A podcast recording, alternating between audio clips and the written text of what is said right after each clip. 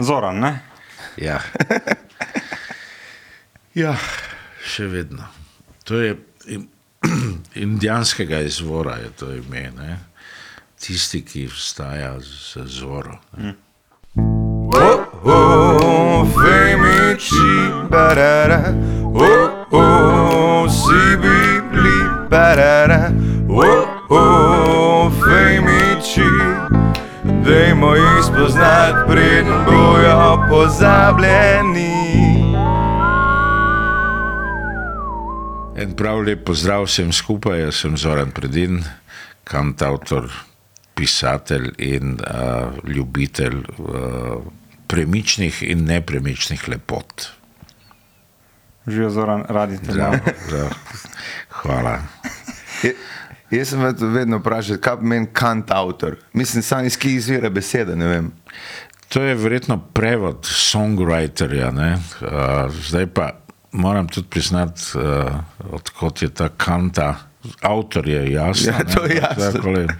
Verjetno iz prepevanja, ne, kantare, A. uh, tisti, ki poje iz tribadurskih časov. Nekrat, mm. Mislim, špekulacija, upam, da nisem preveč mimo brcna. Pa koliko se Zoran ukvarja z uh, samo uh, mislim, etim- etimologijo ali pa izvorom stvari, ne? ker se mi zdi, da, da te zgodovina zanima. Ja, uh, do neke mere, ne, ne preveč. Recimo, uh, nisem si zapomnil prav veliko letnic, pa imen, pa teh stvari, ampak uh, to, na kakšen način nas je zgodovina napravila takšne, kot smo, pa definitivno ja. Pa še kakšne take, recimo, zanimivosti iz, iz uh, posameznih obdobij, to nosim še iz otroštva, da so mi blizu. Recimo, jaz sem definitivno nisem kavbojc, ampak sem indijanc. Ne?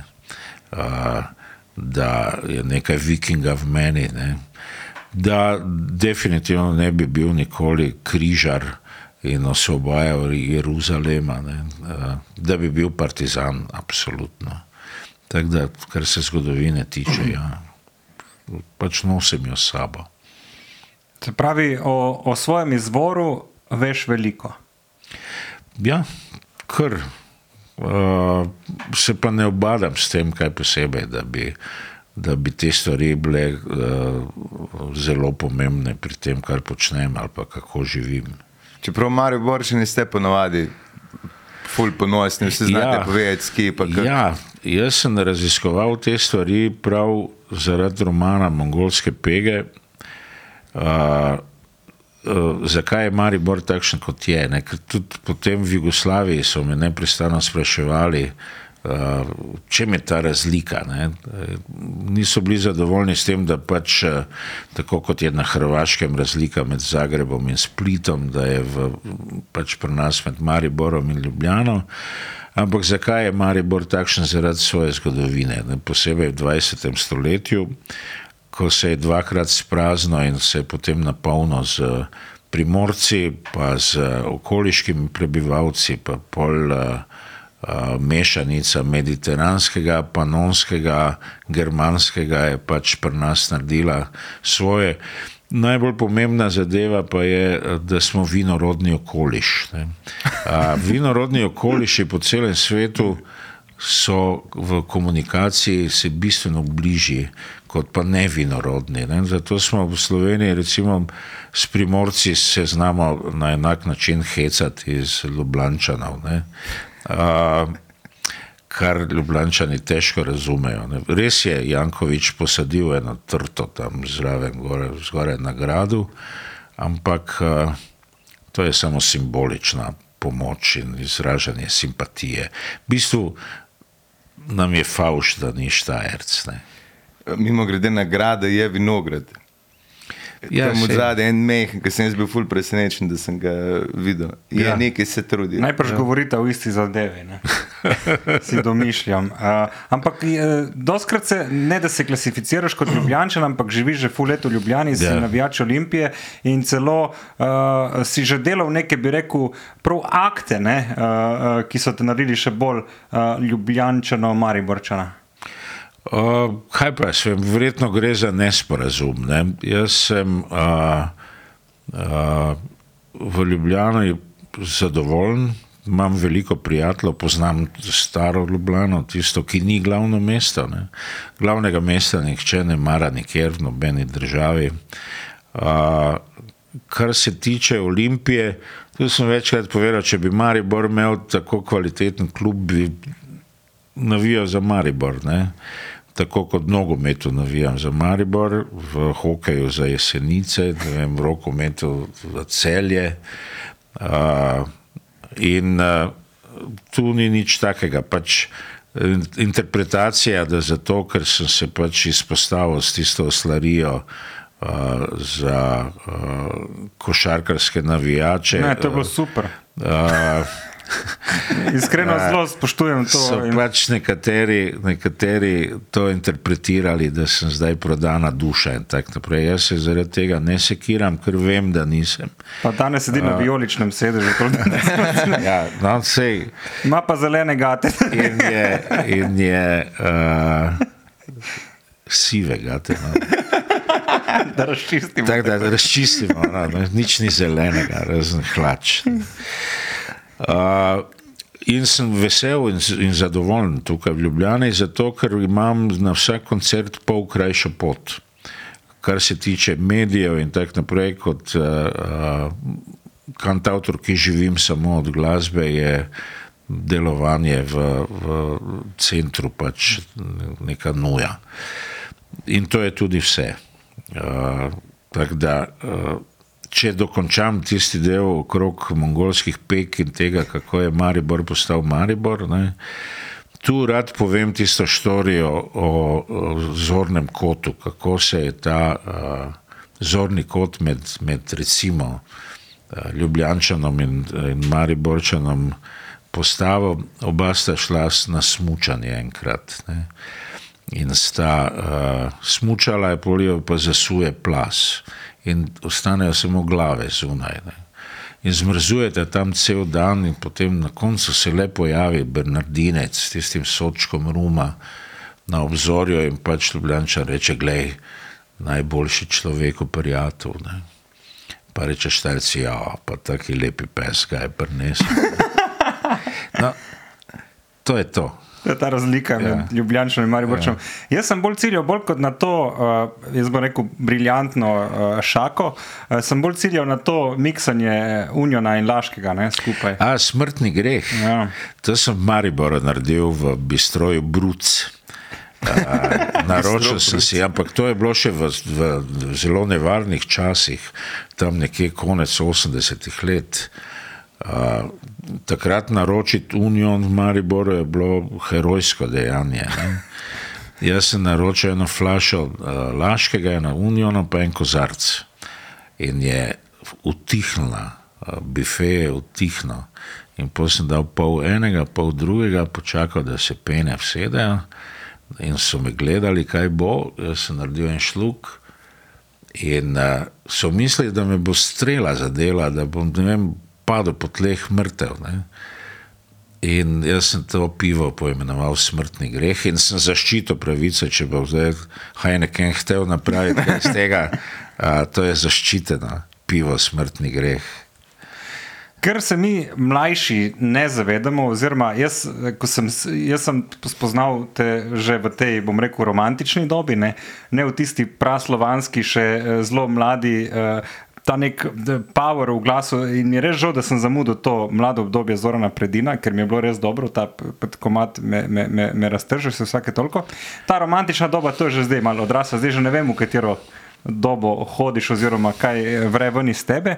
Ampak to, kar recimo v današnji dobi doživljajo Joker Auti, ne, da so prepoznani po jugu in da lahko razprodajajo Hrvaško in Srbijo.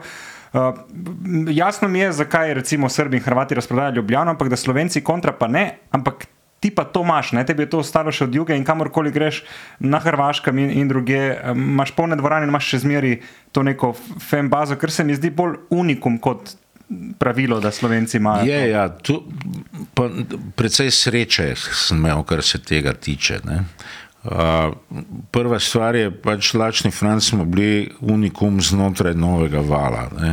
In uh, tudi če smo se rinili v ta novi val, uh, smo bili v njem nekaj posebnega in v bistvu nismo, uh, nekako smo si zaslužili ta prostor. Uh, tu nam je pomagal novinar Darko Glavan, uh, ki nas je v bistvu naš drugi koncert po prvem Mariborskem na drugi gimnaziji je bil že v Zagrebu.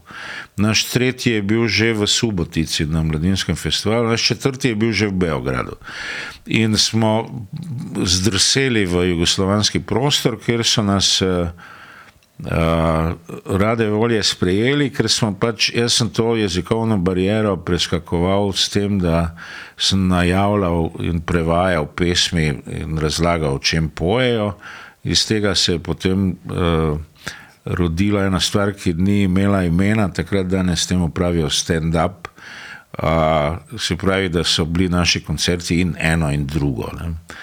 In potem, ko je juga razpadla, ko je tudi prva postava Lačnega Franca nehala z delom, sem jaz še vedno ostal tam. Ne.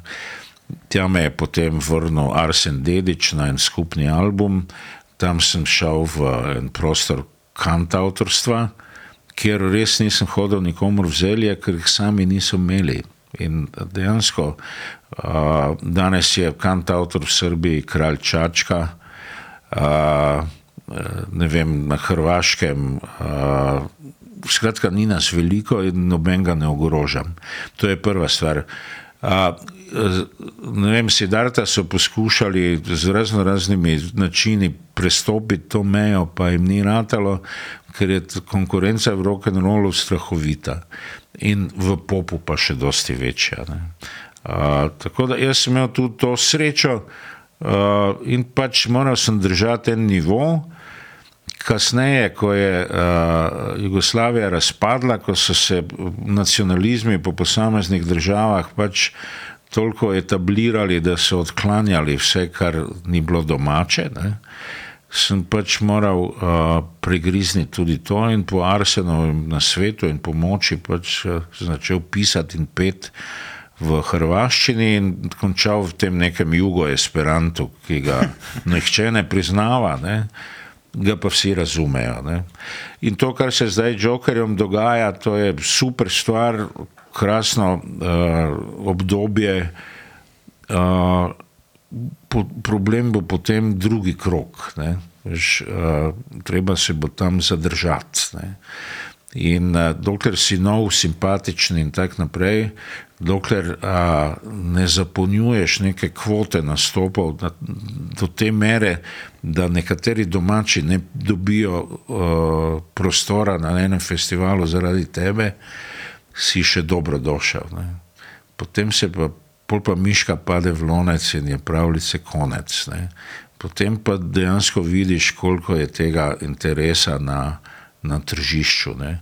In oni v tem pop-roku, recimo, se bodo morali res potruditi, da se obdržijo noter. Ne. So not, radi jih imajo celo letošnje leto, bo super. Ne.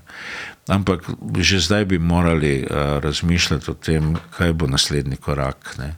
Tukaj mogoče tudi ta sama nacionalnost uh, njihovega pevca, ki je v Srbiji pač na nek način sprejet kot domačin, bo igrala veliko vlogo. Uh, Tako jaz jim želim vse najboljše, eh, všeč so mi in Murphy in oni in uh, držim pesti. Pa je to neki uh, pokazatelj novega vala slovenske glasbe? Težko bi to znal oceniti. Ne? To je v bistvu vprašanje za, za vem, Petra Njatoviča ali pa za vem, kakšnega kritika iz tistih krajev. Hmm. Upam, da ja. Uh, zakaj pa ne? Pri meni se uh, pojavlja edinkrat uh, prednost uh, biti slovenec na tej sceni, takrat, ko smo z Matijo Dedičem posnela albuma Tragovi usjeti 1 in 2, kar je bilo takoj rečeno in obsojeno na propad, češ noben ne poje, ti si mi v krvi, tako kot Čolič ali pa Eh, magle, tako kot Josip Lisac ali pa jesen v meni, tako kot Aki. Ne. Ko se ne bom tekmoval z njimi, jaz bom naredil verzijo vračanja pesmi v Zibelko, se pravi naj- takšne, kot so se rodile, klavir in vokal. No, in v to istem obdobju je bila najna prednost, da sem lahko v Nišu pel hrvaške pesmi, v Dubrovniku pa srpske. In to samo zato, ker sem slovenec. Pa mi že kdo rekel, vidi ga, ljudi slovenec, ne znaš šta radi. Ne, v uh, Nišu, v domu vojske so peli z mano, to so ti nadrealistični trenutki, uža Srbija, eh, publika poje z mano v dalmatinskem eh, narečju uh, Galeba. Lipo li je, lipo li je, na pučini tebe gledati. Ne? In so jokali zraven. Te pesmi niso slišali več kot 20 let, nikjer, so jo pa znali na pamet celo. In obratno, v, na vrtu hotela Argentina v Dubrovniku so Hrvati metali kozarce ob tla v verzu Džaba bilo konja vranih, polivadi razigranih, džaba bilo sata i salaša. In uh, takrat sem pač lahko to počel, ker sem slovenec. In uh, to je bila, recimo, takrat edino krat biti slovenec prednost na tej uh, jugosceni. Pa mi že reče, Hrvati, dajmo poklicati tega slovenca, da lahko srpske pojemo. Ne več. Ne več. To je mimo. Da, da je mimo. Ja, okay. uh, zdaj, uh, mi te poznamo kot pevca od nekdaj, ampak najbrž nisi bil od nekdaj pevc. Ne? Ne, najprej sem hotel biti košarkaš. Pa sem leta 70 se zaljubil v košarko. In v bistvu začelo se je tako. Najprej sem eh, šel na trening eh, nogometne ekipe Branik, kjer so ugotovili, da nisem za nobeno rabo in sem postal golman. Na kar v prvi, prvi malo bolj resni tekmi mi je en od nasprotnikov stopil na glavo.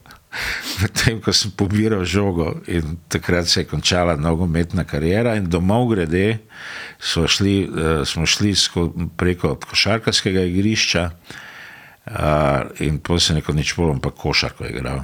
No in takrat je uh, Jugoslavija postala svetovni prvak, leta 70 in uh, V Hali Tivoli. uh, v Hali Tivoli in jaz sem potem začel pri klubu, ki se je takrat imenoval Maribor 66. Sem začel trenirati košarko. Je bilo to leto Potem se je, potem, ja, potem se je uh, spremenil v klub Marles, pa potem v Branik, skratka, te, ta tri imena so bila. Jaz nisem bil nikoli neki poseben talent, niti dober šuter, niti nič. Edino rad sem imel to košarko in rad sem jo imel do te mere, da sem pa bil kapetan čisto vsake ekipe, v kateri sem igral, se pravi pionirčki, kadeti in potem. Uh, recimo, igral sem proti Petru Vilfanu, ki je igral Res? za, za Eiselpon, jaz pa za Branik. Mi smo bili levi breg, on je bil desni breg, to je bilo tekmovanje na nož. In uh, on je letnik 57, jaz sem 58, v enem trenutku sva bila enako velika. S tem, da je bil on tak uh, bolj suhec. Pol je pa eno poletje zrastel za 17 cm. 17 cm in jeseni mi je dal tri banane in potem je šel tak, tak igrati za člane. Jaz sem si izpahnil kok in uh, ko mi je kirurg porival noge na razen, da se kok vrne nazaj v šalčko, kar je zelo boleče. Je rekel, če hočeš biti košarkaš, ti moram te šalčke poglobiti, pa ena dva šraufa dati noter, pa eno. Ne, ne. In takrat se je meni svet podaril. ne. In, uh, ker je bilo vse na košarki, celo moje življenje, pred šolo, med glavnim odmorom, cel popoldan, zvečer, tekme, ono. Eh, Na tisti košarki sem prvič videl nago žensko, eh, v- ko so se članice tuširale. A, nisem letela čez. Prvič sem, prvič sem bil face tap in prvič sem jaz dal kako batino. Ne. A, No, in to je to. potem zginilo, ne? uh, in potem je pač nastal en prazen prostor, ki ga je pol zapolnil eh, prvi joint, pa kitara. Pri katerih letih je to? To je tam drugi, tretji razred gimnazije. A, gimnazija, ok. In, Sedem, osem sem bil star. evo. No, in pol se je pa začelo. Ne? In uh, v našem razredu je Bojan Sedmak igral že svoje pesmi. In uh, mene je stric Ivo naučil igrati kitaro in House of the Rising Sun, pa, pa te zadeve. Potem sem pa odkril Tomaža Pengova. Hmm. Od potovanja, uh, to je še vedno eden najboljših albumov ever na svetu. In uh, Marko Brecel, Cocktail, in to so moji vzorniki, pa buldožeri, pluni istini v oči in tako dalje. In, uh, to isto brecel bil zraven. ne? ja, A je od- tudi eh, Pengov uh, Štajerc? Ne. On je pa Ljubljančan. ne? Ja. In je uh, uh, pač nekako začela ta, se pravi, literatura, branje, uh, non-stop, vse po vrsti, uh, kar je zasluga moje profesorice Nadega Borovič. In pa poslušanje muzike, tudi razno razne, vse po vrsti, razen narodno zabavne, tiste nekako ni, nismo poslušali doma. In potem se je pa zgodil tisti uh, 16. juni leta 1979, ko sem srečal Rimeleta na Mariborski koči, uh, ko sem praznoval svojo družbo rojstni dan. In uh, Oto, ki je takrat bil kitarist skupine Zeus, ki je ostala brez pevca, ker je moral k vojakom, je rekel, naj pridem v ponedeljek 19. junija na vajo k njim. In sem šel na vajo, na kar so staknili glave in so rekli, ok, so me sprejeli v bend.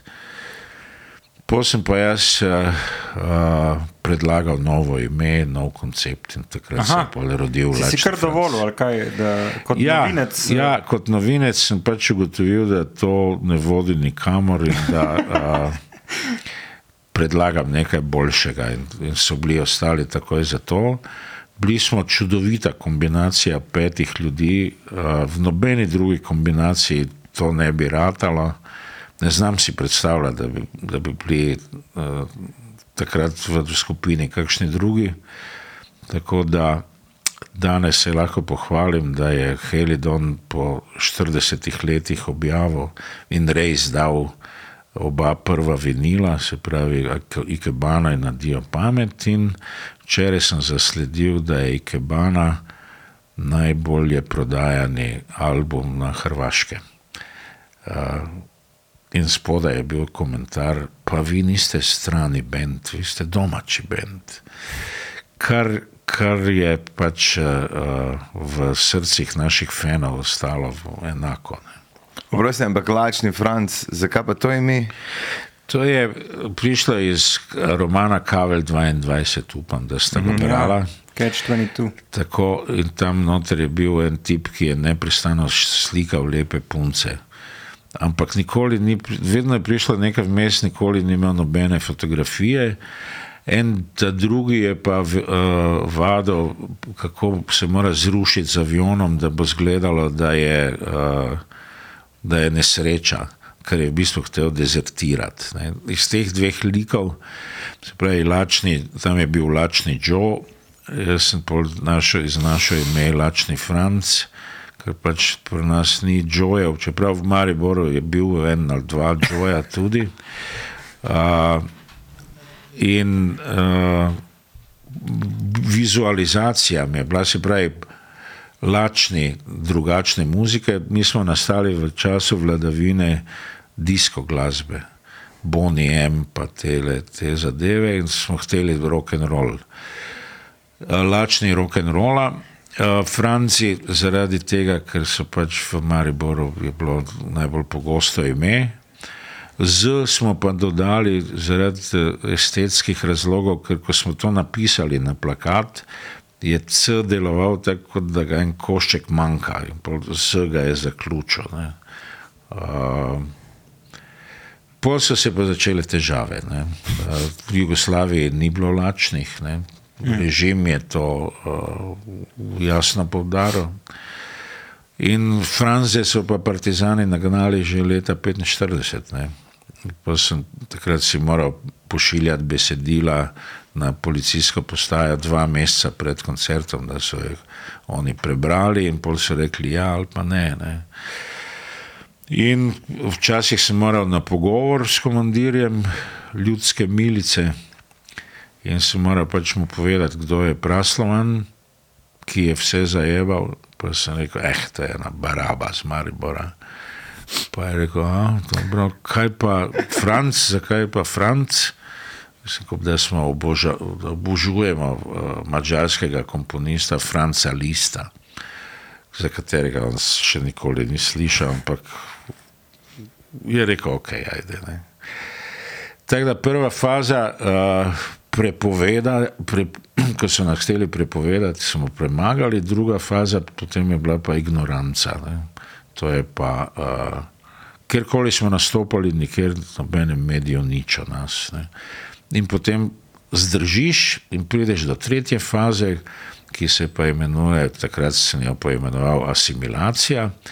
To je pa nagrade, dobiš zlato ptico, dobiš nagrado sedem sekretarjev skoja, ki so bile jugoslovanske velike nagrade. In potem se vsi tisti, ki so te hteli prepovedati in ukiniti, slikajo s tabo. Ne, asimilirajo te, opa, ne, to so naši, mi jih imamo radi, ne, da bi te diskreditirali. Ne. In potem te pač, ko prvi album posnameš, obdavčijo, z, kot proglasijo za šunt. Kar pa se niso zavedali, da je to bila prednost. Če nisi bil takrat proglašen za šunt, bi te moralo skrbeti, ker so bili vsi od pankrtov, orgazma, vsi ostali smo bili šunt, ne? kar je bilo ok. Jaz se tudi najbrž bolj uh, folk fajn zdela, da se šle poslušati. Ja. Ampak kak je bilo, pa- koliko zagovor je bilo to? Mislim, dva meseca ste tudi videli, da ste mogli imeti špile, ker vnaprej Veš, določene. ja, veš kaj, to so bili čisto drugi časi. Ja. Ja. Vse je šlo po pošti. Morali smo natipkati te tekste. Ne, pa to, pa. Takrat še tudi ni bilo toliko teh fotokopirnih zadev, ne, razen če so starši odnesli kaj firmo, pa tam na črno kaj skopirali. Ne. Uh, moral si to poslati, ja, pol so oni to poslali nazaj, pa in je, to je bilo tako bolj počasi, pa romantično. Ne. In uh, uh, glavne danes se vse skupaj sliši tako precej hecno in smešno, ne. pa ni bilo. Ne. Ja, verjamem, da če sediš nasprot ne. te glede besedila sprašuje. Ja, dvakrat so nas aretirali, enkrat so nas prišli iskati s petimi avtomobili, vsakega posebej domov, v času kosila ob pol dveh. Si vsaj pojedel. A, ne, na pol sem pustil in noter, in prosim, kaj pa je, nič, nekdo je Maribor prebarval z protidržavnimi parolami. Na kar smo bili točno tako v filmu, vsak v svoji sobi, brez kluke na vratih, stapicirano notranja A si zihar, da je bila to policijska postaja? Ja, na Majstrovi v Mariboru in uh, noter sta bila tako kot v filmu dobri pa slabi policaji. In ob točno določeni uri, dve uri kasneje, smo je vseh pet stopilo na hodnik, kjer so nas dali v en kombi, odpeljali v plac za vajo in takrat sem se zbal, da so nam kaj potaknili. Da bo zdaj tam, kao, so iskali barve, da bi primerjali s temi. In potem smo kasneje ugotovili, da sploh nikoli ni noben nič pobarval, da, je to bila zmišljotina. Uh, in pa kasneje sem ugotovil, da v tistem istem bifeju, ne, kjer, smo, kjer sem jaz kasneje tisto pivo naredil, pa to, Bruc bar. Uh, Bruc bar, ja, je uh, neprestano sedel z nami en udbovec. A ni hodil na vse koncerte, ponovadi. Tudi na vse koncerte, skozi je bil z nami, tam je bil tako. Ne. Ampak to, to se je kasneje, konec 90-ih, razkrilo. A Ne. ste radili prijatelji tudi pol, ali ne? Ne, ampak skozi je bil tu nekje, ne. veš, pač navadiš se ga. Ne, Ker Poznam ne, ne ene zbuja primere, več da so, pozornosti. Ne. da so kar rateli prijatelji, bolj da so živeli je v redu. Ja, ne? Ne, ja, samo no, saj, prijatelji. Jaz sem gledal, ko so štazi imeli pač svoje uh, sem bil v enem muzeju. Oni ne samo, da so imeli ljudi, ki so hodili na koncerte, oni so bila ena full dobra punk uh, zvezda, ena bejba, ki je delala za štazi. In je itak v vseh teh punk klubih bila in mi je informacije nosila. Ja, no, vse na tak način so. Tu so bile žalostne stvari, recimo uh, Ekaterina Velika. Ne? Eka, Tja, ja, tja so v Beogradu, to je zdaj neka taka javna skrivnost, namenoma poceni he- heroin uh, ja. Ja. za to sceno. Mm. Prav, kar, ne, kar, kar. Ne, izgine. Drugič pa zdaj, kar si Pankar je omenil, je bilo pa na enem kongresu z SMS, tam 84 ali nekaj takega, smo igrali v novem mestu na vrhu tistega trga in se v prvo vrsto prerinejo neki pankeri, ki so me popluvali v eni minuti. Ono. In to, to pluvanje je bilo en demistifikacija. Uh, Roko, no, ti si moral biti srečen, da te pluvajo, to je nek pankovski obred. Meni je šlo na kozlanje, potem sem si obrnil tisto jakno in sem se umaknil za Bobnarja, ki je pač na enem podestu bil toliko više. In ko so me tisti pljunki po obrazu povzeli, sem se prijel za jugoslovansko zastavo, ki je bila edina tam, ki sem bil dovolj visoko, in sem se obrisal v tisto zastavo. Ne. No, in potem sta prišla dva po koncertu, da sem oskrunil simbole SFRJ, da bosta me privedla ne, karkoli tam. Sem rekel, fanta, če bi vama to povzelo, bi se ravno tako brisala. No, in k sreči z tistega ni pol ratalo nič, ampak nekaj pa govori o tem vzdušju. Ne. Tito je bil štiri leta mrtev, vse skupaj se je začelo zelo obračati v ene čudne smeri in uh, uh, v glavnem. 80. so bila uh, zelo lepa leta, ko smo lahko delali stvari, ki jih danes niti slučajno ne bi mogel. Ne. Kaj? Posneli smo recimo pesem Mravlinčari in Čeladari. Ne. To je pesem o, o moškem ponosu, ki se deli na dva tipa, na tistega s kožico in na tistega brez. Ne. In danes bi rekli na muslimane, žide, katolike, ne vem karkoli. Ne. Takrat ni bilo teh težav. In video smo pa naredili iz odlomkov, iz porničev, ampak takih, kjer se skoraj nič ne vidi. Ampak vsi vejo, da so to porniči. Ne. No, in to se je vrtelo potem leta in leta v nočnih programih uh, jugoslovanskih RTV studijev, uh, uh, kar je danes nepredstavljiva stvar. Ne. In hec je pa v tem, da sem pred leti, tremi leti ali dvema letoma, našel na YouTubu posnetek te pesmi v izvedbi Srednješolskega centra Slovenska Bistrica takrat vidiš, da nišče ne bere in posluša besedila, a, ki so skupaj z pač vsemi učenci in to s eh, šolskim bendom pač zapojejo to pesem o nekdanjem avstrijskem predsedniku vlade, ne, a, ne da bi se zavedali, kaj pojejo. Ne. A, recimo, posneli smo eno pesem z naslovom Tisoč modro-belih rožic ki je danes eh, seksistična, politično nekorektna in absolutno je ne bi danes niti ne izvajal, niti napravil. Takrat je bila pa v Sloveniji popularna ena eh, češka nadaljevanka Nemocnice na kraju Hrada, bolnišnica na koncu mesta, kjer je bil doktor primari Sova in so bile medicinske sestre, ena lepša od drugih in tako naprej. In jaz sem napisal en tekst o tem, ker sem pač preživel eno poletje zastrupljen sladoledom v bolnici, v tisti vročini, če one pod temi halicami nosijo, sploh kaj ali ne. ne. In to, to je imel rad, to pesem je imel rad Marjan Kralj, voditelj najbolj poslušane oddaje takrat radijske. Z naslovom v nedeljo zvečer, in je čisto vsako nedeljo to zavrtel. In potem so medicinske sestre pisale pisma in so napisale: Sram vas bodi, svinje, nemarne, kaj si pa vi domišljate, molarija.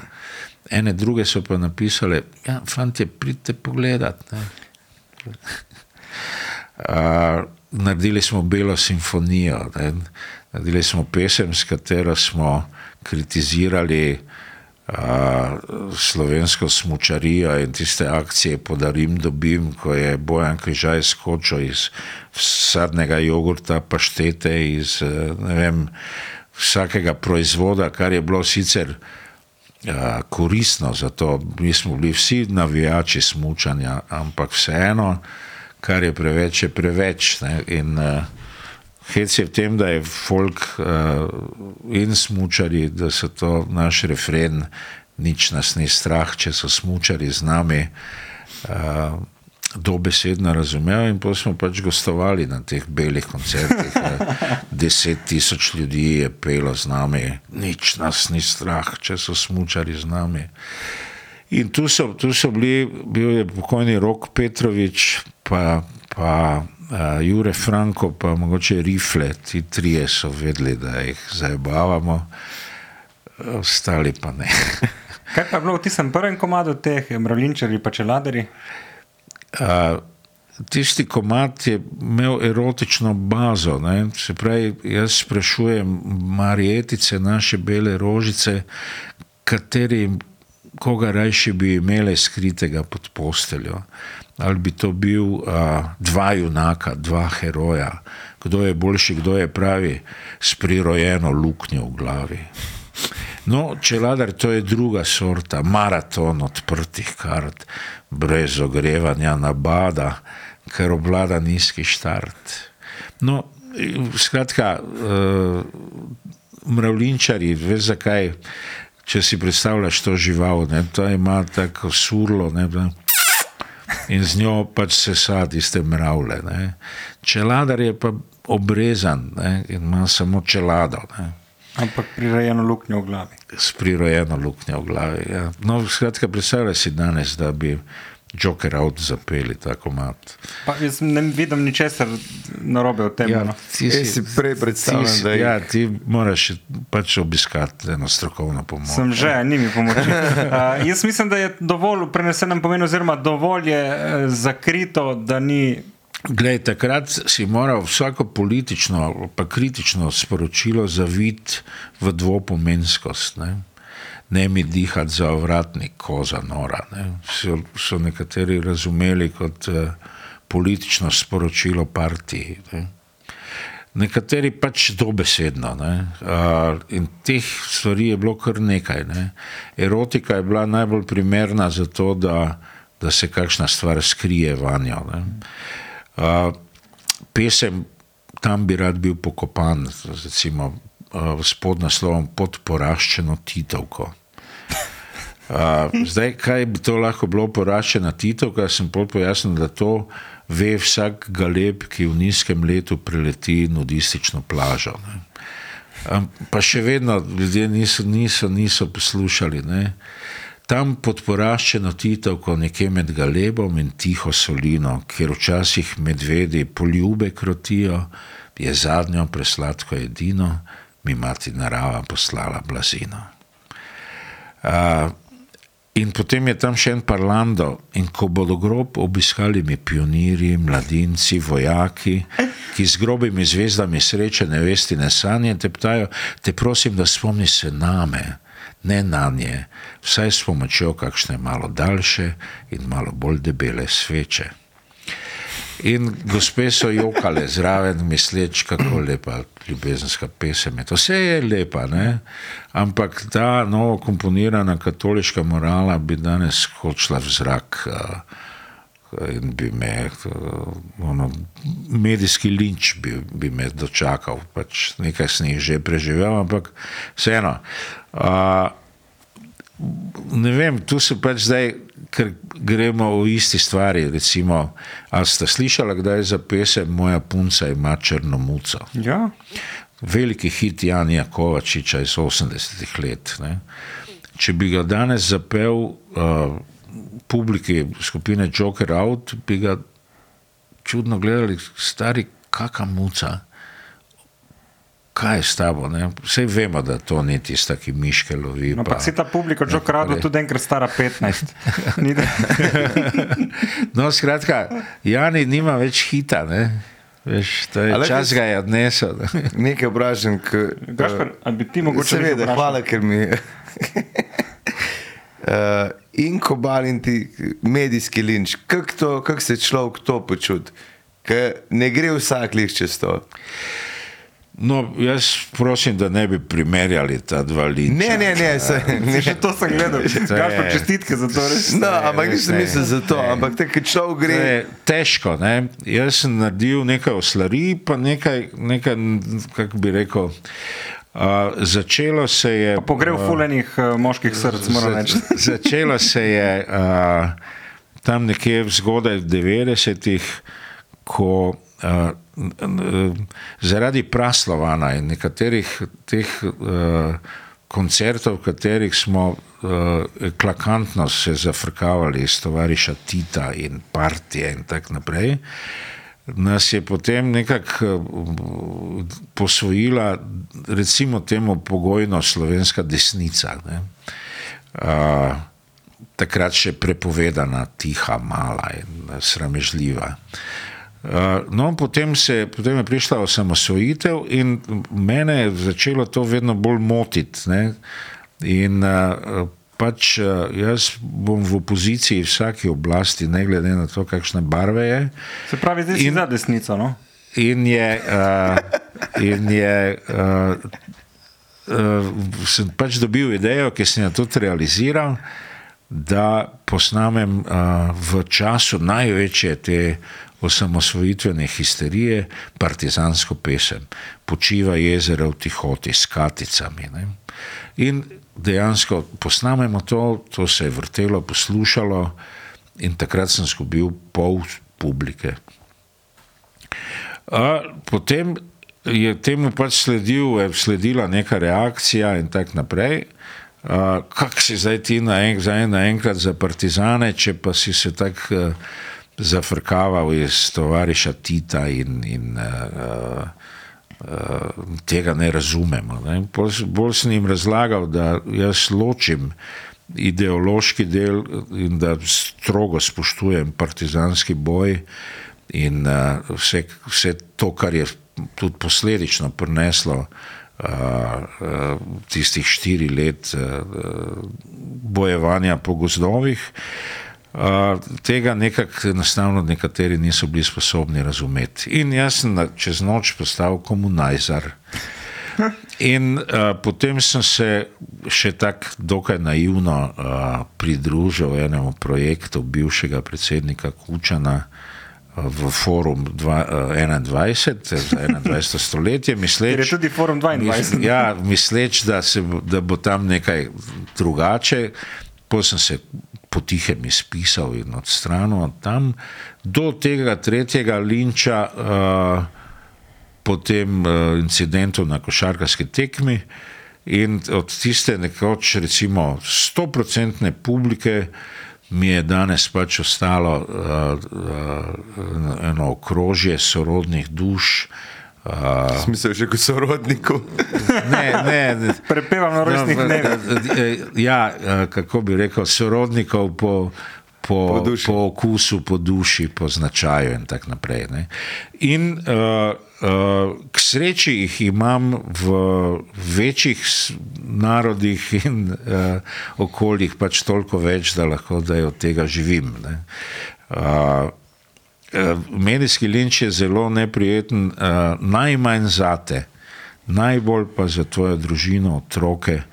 Uh, je pa tudi katarzičen, ker takrat potem spoznaš, kdo je tvoj prijatelj, kdo se pa samo dela, da je. Ne?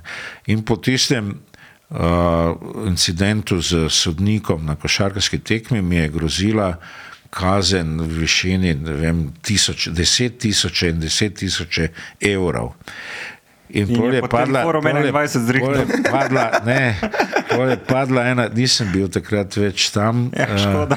Uh, Da ga sploh na televiziji ne prši. Je- ja. Kučem bi to zrikel. Pol je padla ena ideja, da bi naj v Križankah naredili en, en tak koncert, s katerim bi jaz pač svoje prijateljske bende, pa tiste, ki sem jim pomagal v svoji karieri, a, da bi nek, vsaj nekaj, nekaj denarja zbrali iz tega naslova. No in takrat sta dva, za katere bi dal roko v ogen, sta mi mrtvo hladno rekla, da odjebi.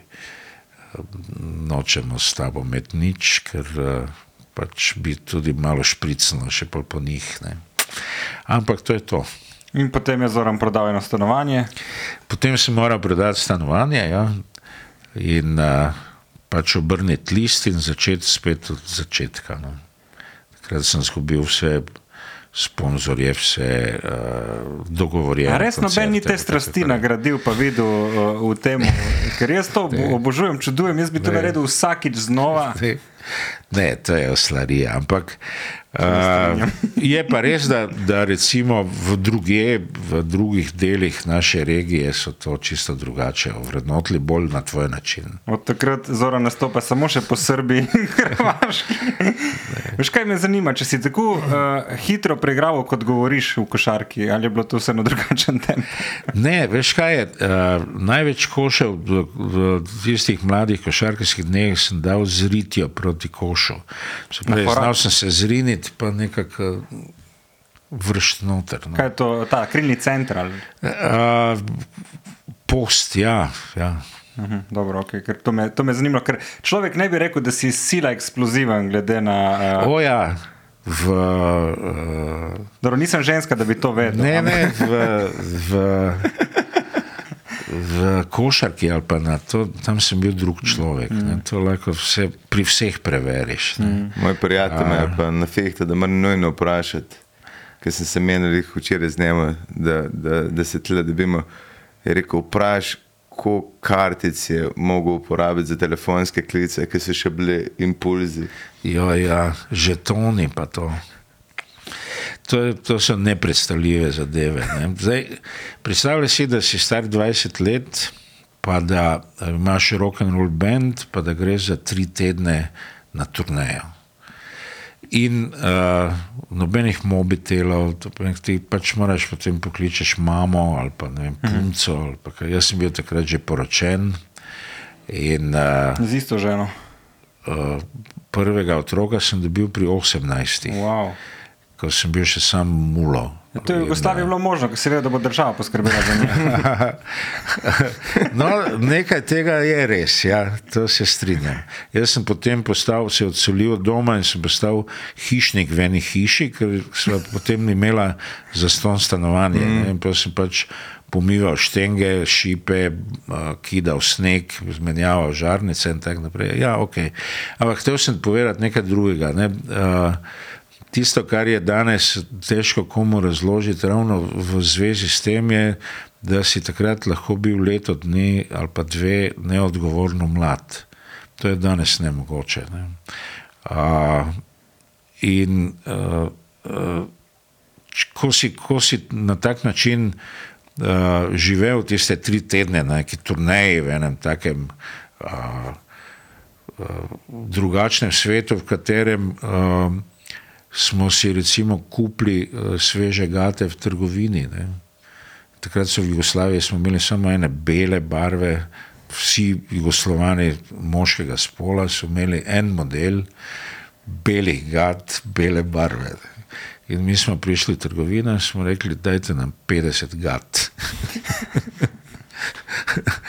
uh, In skratka, ene take vi vizualizacije nekaterih trenutkov. Ono. Zdaj ne vem točno, zakaj sem začel o tem govoriti. ampak Sploh ni važno. Je, Zaradi se mi klicev, zdi- A zaradi ja, impulzov. Zaradi impulzov. Ja. Ja. Pač, uh, uh, vse, kar se zgodi v kombiju in na turneji, ostane tam. O, fuj. To- Te, te stvari se ne go- govorijo nikomor. Se pravi, to je svet nas petih in to je ostalo tam. Ko smo prišli domov, so rekli, kak je bilo, smo rekli, fajn.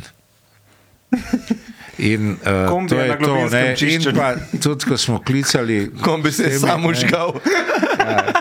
Ko smo klicali in- se javljali, da smo živi in zdravi, je to trajalo pol minute. Ne. A, okay. Ker je bilo predrago povedati kaj več. Ja. Ne zaradi drugega. Ne zaradi drugega, seveda. Še, eh, jaz bi še, še vrnil zdaj iz košarke še na ta glasbeni del. Um, kje je Zoran prvo začel peti? Ok, so te povabili tja na ne- neko interno audicijo, ampak je to bilo v pevskem zboru, v osnovni šoli, je to bilo v cerkvi, je to bilo doma, je bilo to kitara, samo uk, glasbena šola. Na kakšen način človek zve, da ima talent? Uh, samo uk, nažalost, brez glasbene šole, danes bi mi prišla prav, ampak je ne pogrešam. Uh, v bistvu sem na en tak literaren način prišel v muziko. Uh, na koncu romana Od tod do večnosti je ena pesem z naslovom Stari vojak, ki sem jo leta kasneje slišal, da gre v bistvu za en čisti blues. Frank Sinatra poje na koncu filma ta komat, ampak tega takrat nisem vedel. Ko sem to prebral, to je ena taka rima in sem vzel kitaro in sem v enem valčku skomponiral svoj prvi komad, stari vojak. Ponedeljek, plačo dobim, pa, pa, pa. In uh, sem takrat postal kantautor. Ne. In uh, na tisti uh, uh, prvi vaji sem pač zaigral ta komat in sem rekel, fanti, dajmo delati svoje komade. Ne. In nisem pel, v osnovni šoli sem pel. Uh, v pevskem zboru tretji glas, luna si je, kladvo bije, dolge temne ure, že se pravi en ton. ne. Tako da tam ni bilo nekaj glasbenih Tak klip bomo začetkov. ne. odrezali. Uh, no in uh, tako da sem v bistvu postajal muzikant na koncertih, lastnih koncertih, nekjer drugje. In uh, tisto poletje, od tega 19. junija pa do sredine oktobra, sem napisal 20 komadov, ki smo jih potem tudi To, ko ni igrali. do televizije, pa interneta, pa človek ja, dolg čas, ja, kaj češ drugega ja. delati. No, in uh, pač takrat sem pol pogruntal, da mi to gre, in da sem jih v bistvu tudi zapel. In to, ko zdaj imam eno predavanje o tem, o besedilih v zabavni glasbi, in pač razlagam, da ko sem zapisal en vers, da sem slišal v njem glasbo. Ko napišem eno besedno zvezo, ko jo na glas pregovorim in slišim v njej eno melodijo. Ne, in pač na tak način delam še dan danes.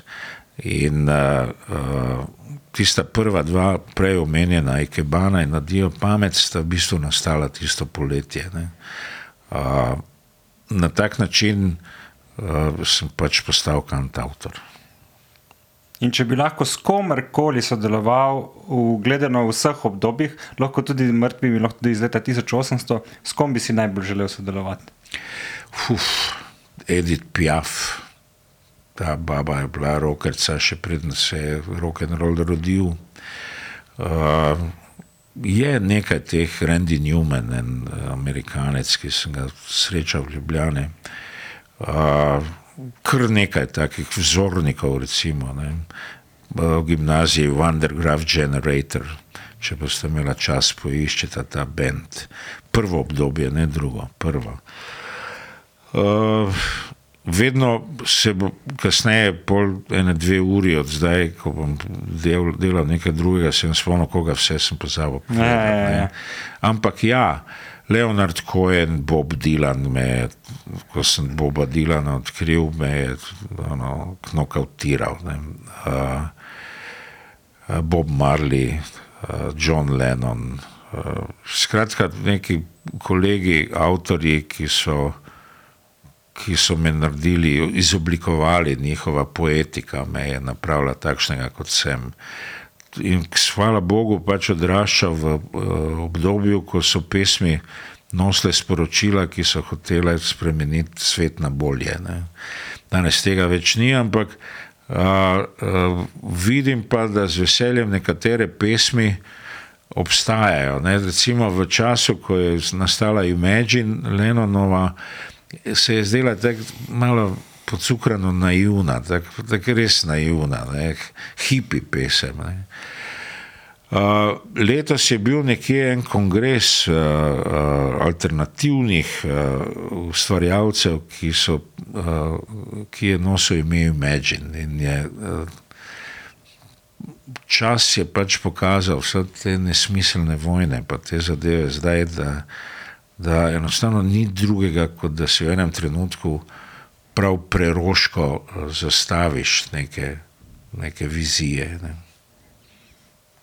Je pa, a ja. Izvoli. Ne, hotel sem to reči, da je cela familija, lik- prej smo se menili v tem odzade, otroci so vse v nekih takih vodah, umetniških. Ja, v bistvu je žiga še nekako najmanj, čeprav tudi žiga igra klarinet in, in je muzikaličen in tako naprej. Uh, on je študiral fiziko, matematiko in zdaj pač kot programer uh, je v enem, enem tem sporednem svetu. Uh, Uh, on ima rad free jazz in muziko, ki je jaz dokaj težko prebavim, ampak ga razumem. Ne.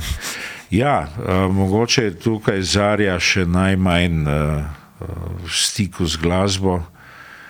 Uh, čeprav si je recimo za očeta svoje prekrasne punčke izbrala pevca Noctiferije. Ne.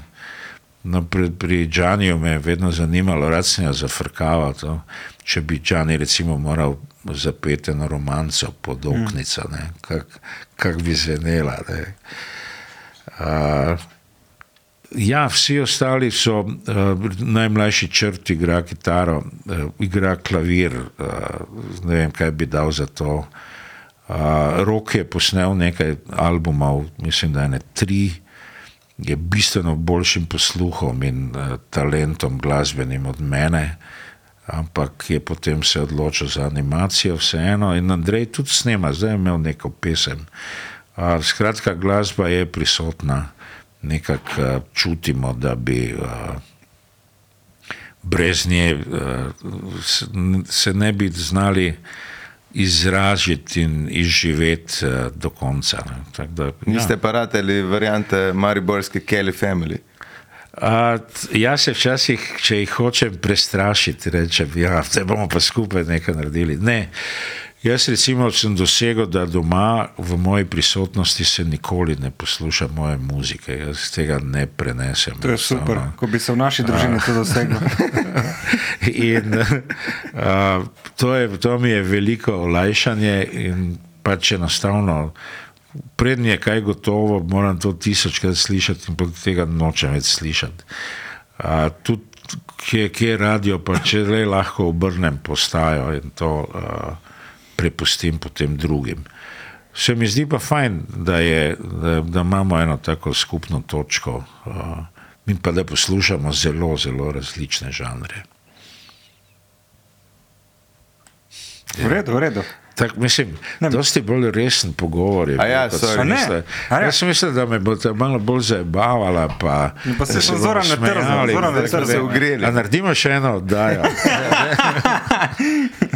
Ja, okay. To je recimo ena od stvari, ki, ki, jo, ki jo nekako pogrešam v, v Darko Glavan, ta omenjen kritik in uh, zgodovinar iz Zagreba, ki nas je v bistvu lansiral v jugoprostor. Ali pa Arsen, ali pa Boško Petrovič, vibrafonist. Uh, vedno nekako manj ljudi je, ki so me znali dobro zafrkavati. tako Da, da ostanem brez besed in se potem zmišljujem nazaj en, en dovolj duhovit odgovor. Ne. In uh, uh, ko sem tvoj humor slišal tam na tistem uh, scenarističnem dogodku, uh, sem pač pričakoval, da boš danes, ono, jaz ti pravim, prc Milojka. Da bo, da bo več tega, no, ampak ok, Ne. dva resna mladeniča. Sem, tam sem že videl. Zdaj bom jaz vajo malo. Ja, sej. malo. ne, ker to sem ga, mislim, malo sem ga zbadal, ampak Zoran me pogledal, se ne smeji, no, on je kar pičil svojo zgodbo naprej, kao ne odzivam se na to. Ah, to je, to je rutina. Ja, ja, že v redu. Um, ja, glede uh, glede uh, pisanja, ne, eh, zdaj je glih iš, išla uh, nova knjiga Brezmadežna uh, pod mladinsko knjigo, če se ne motim. Uh, jaz sem mislil, da gre klezi za neko uh, avtobiografijo, neki zor. Ne, gre prav za. smeh. Gre prav za roman. Mislim, koliko ljudi, ko, ko vidijo, da je Zoran avtor, mislijo, da gre za neko samo izpoved. V resnici že prej je bil en roman, pa tudi že prej si izdajal svoje pesmi eh, v knjižnih oblikah. Ja, pa... tu, tu je zdaj, imam pripravljen odgovor v Super. enem, v enem kosu. Se pravi, ne gre za pesmi, gre za besedila, uglasbljena besedila, ki bi bila čisto drugačna, če ne bi bila uh, sužen, melodije, aranžmaje in tako naprej. Če je to pesem, je svobodna forma. Ne? Če se v teh besedilih najde kaj poetike, Uh, potem uh, se jih tudi splača objaviti v branje. Ne. In uh, izdal sem nekaj, tri ali ne koliko teh zbirk. Uh, potem sem izdal eno knjigo z naslovom Druga žena v Haremu, kjer sem zbral uh, anekdote, potopise in to, kar sem delal za časopise. Potem je dno nima dna na hrvaškem glavom kroz zid, uh, zbirka kratkih zgodb, ki so bili trening za roman mongolske pege z leta 20 in zdaj je šel drugi roman z naslovom Brezmadežna.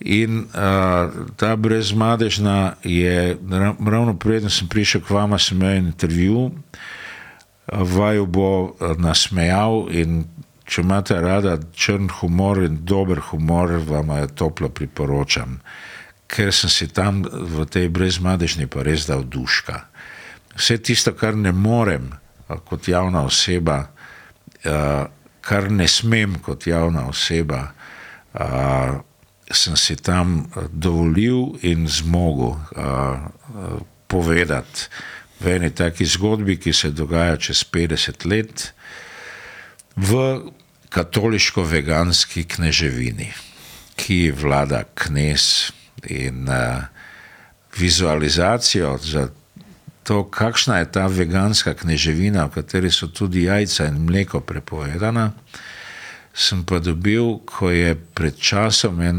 slovenski diplomat v Banja Luki v narodni noši predal poverilna pisma predsedniku Republike Srpske. Oblekel se je v nekega kekca, v lesenih coklih, v enem klubu, nimate te, te podobe pred sabo, dajte ja, ja. malo pogooglati. Ja, ja kako je to izgledalo. No, in a, potem je to ponovila ena njegova kolegica še v Moldaviji, ko se je oblekla v neko narodno nošo. No, in a, to mi je dalo potem iskrico, kako, bo, kako bo prebivalstvo oblečeno v vegansko-katoliški kneževini. Ne. A, noter nastopajo pa če ni liki, ena zgodba je fajn zapletena na koncu se vse razreši. In, uh, ta gospa, ki me je intervjuvala, je rekla, da je krohotala se in valjala od smeha, in verjamem, da se bo stavila tudi. Pa se pol lahko dobimo na eni pijači, pa mi boste povedali, če sem jo prav. Ker še nekje začetek je, ko sem videl opis, da se na isti dan v isti vasi rodijo trije in pol gre zgodba, kleštarta. Ja, se pravi, rojstvo so štart. Pol se pa isto noč rodita še dva otroka, generalu zimi. Več pa ne bomo izdajali. Ne, mislim, tu je uh, uh, tudi mongolske pege, je, je bilo ne mogoče zbrati odlomek, ki bi nekaj povedal o romanu, mm. ker je celota, to je tako, da bi en prst odrezal stran. Nima smisla, vse ali pa nič. Ne, uh, Uh, ne vem, jaz potem uh, posujem uh, predstavitev knjige s kakšnimi podatki, tipa za brezmadežno sem se moral temeljito naučiti uh, vse o tem, kako se skrbi za šimpanze v živalskem vrtu. Gašpar? Uh, uh, uh. Jaz sem vem, da jim ne smeš roke natrdeti. To je Zakaj pa naslov brezmadežna? Uh, to je ena, kako bi rekel, želja uh, napraviti eno družbo, ki bo v božjih očeh brezmadežna. Se pravi, družba, ki na koncu izumre. Da ni nobenega mrtvega vmes. Pa nobenega živega vmes. Ja. ja, ampak to je še sveti duh, ne veš. On, ja, tudi, on, on pa ca. On pa za te otroke. Ok, razumem. Dobro. Tle je ideja, pač, da se poskuša narediti neko utopično, pa ne utopično državo, ampak utopično družbo. Ja, ne, a se ti spomniš, kdo je tu pri nas rekel, da bi bilo treba nas vse skupaj predstaviti malo bolj na desno? Če ni bil ježek, pol ne vem. Je bil pa na J. Ja. Okay. ok, to govorjeno, dobro, vse razumem. Uh, kaj pa z glasbo, zdaj je knjiga, kaj sledi naprej, kaj pa delajo vzor? Ravno kar delam uh, himno za Abba Ligo. A, so te vseeno aktivirali? Ja, uh, jaz sem dobil odpustek od Uleba in Eurolige že pred tremi leti. Uh -huh. So mi pač ta greh odpustili, glede na to, kako face fund sem vseeno. Uh -huh. In, uh, je pisalo to, si pa face fund. Ja, ja. Vseeno.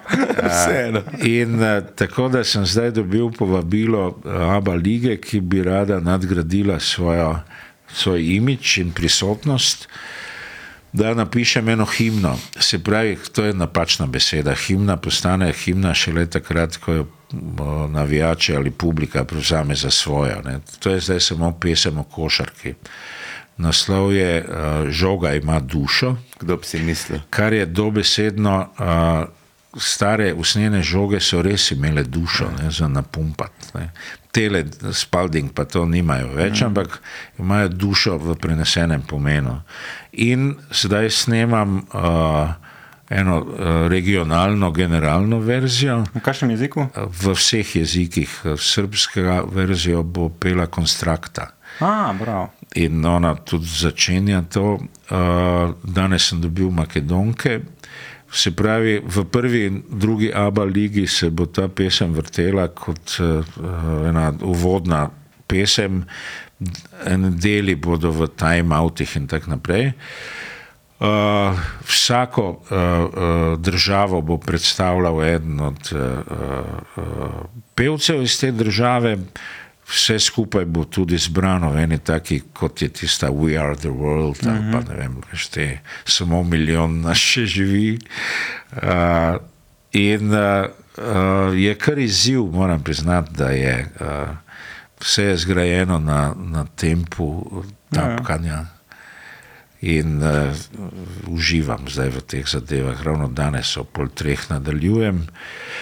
Uh, naredil sem en trio, uh, s katerim uh, sem recimo, uh, si izmislil nov po, pomen uh, kot novovalovni šanson, novovalovski šanson. Uh, potem imam še vedno živ Gypsy Swing program Zoran Poe Arsena katerem sem uh, Arsenove pesmi preanžiral v Gypsy Swing. In je to zdaj uh, tisto, kar me je v bistvu pripeljalo Ljubimca iz Omare in ostale albume.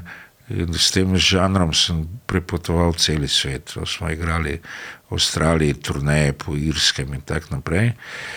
Jaz se drugače doma zelo ne rad hvalim s temi stvarmi. Malo, malo ljudi ve za to in uh, ob takšni priložnosti pa jaz z veseljem, veseljem povem, ker sem združil dva pojma, se pravi šansona, ki je imela kvalitetno besedilo, je imela pa ene take dokaj dolgočasne uh, glasbene spremljave, pri katerih je človek hitro zadremal. Jaz sem pa to predstavil v Gypsy Swing, ki je pa energičen, uh, ritmičen žanr in uh, prenese dober tekst. No, to se je tudi pri tem poznalo. Uh, Tako da sam, uh, če živiš od tega in moraš skrbeti za družino, ne smeš nobenemu vabilu na koncert reči ne. In če te vabijo v en mali klub ali pa open air na trg, tako, moraš imeti za vse en program, s katerim lahko konkuriraš. Ne. Zato sem si tudi zmislil te različne in ne samo različne, tudi v različnih jezikih. Ne. In uh, uh, se zgodi, recimo, kakšen mesec, da imam štiri koncerte s štirimi popolnoma različnimi programi in jeziki. Ne. In je, uh, to, to me nekako drži nad vodo, da, uh, da me stvari ne začnejo dolgočasiti. Zoran, sin 1958. Ja. Uh, Zoran, bil si v Femiči, hvala, da si prišel. Hvala. Ja, 65 let letos, to pomeni, da lahko v Maxi Marketu parkiram na coni za seniorje, v rdeči tam. Veš? In ti tako senior je, tako In pa tudi kažeš. z avtobusom se bom lahko malo bolj. Ja, malo eh, ceneje. Malo ceneje vozil. In pa postal sem uh, občutljiva uh, družbena skupina, se pravi mladoletni, pa mi nad 65 lahko pokličemo SOS telefon. Ja. Pa karkoli rupnik reče, ploskaš.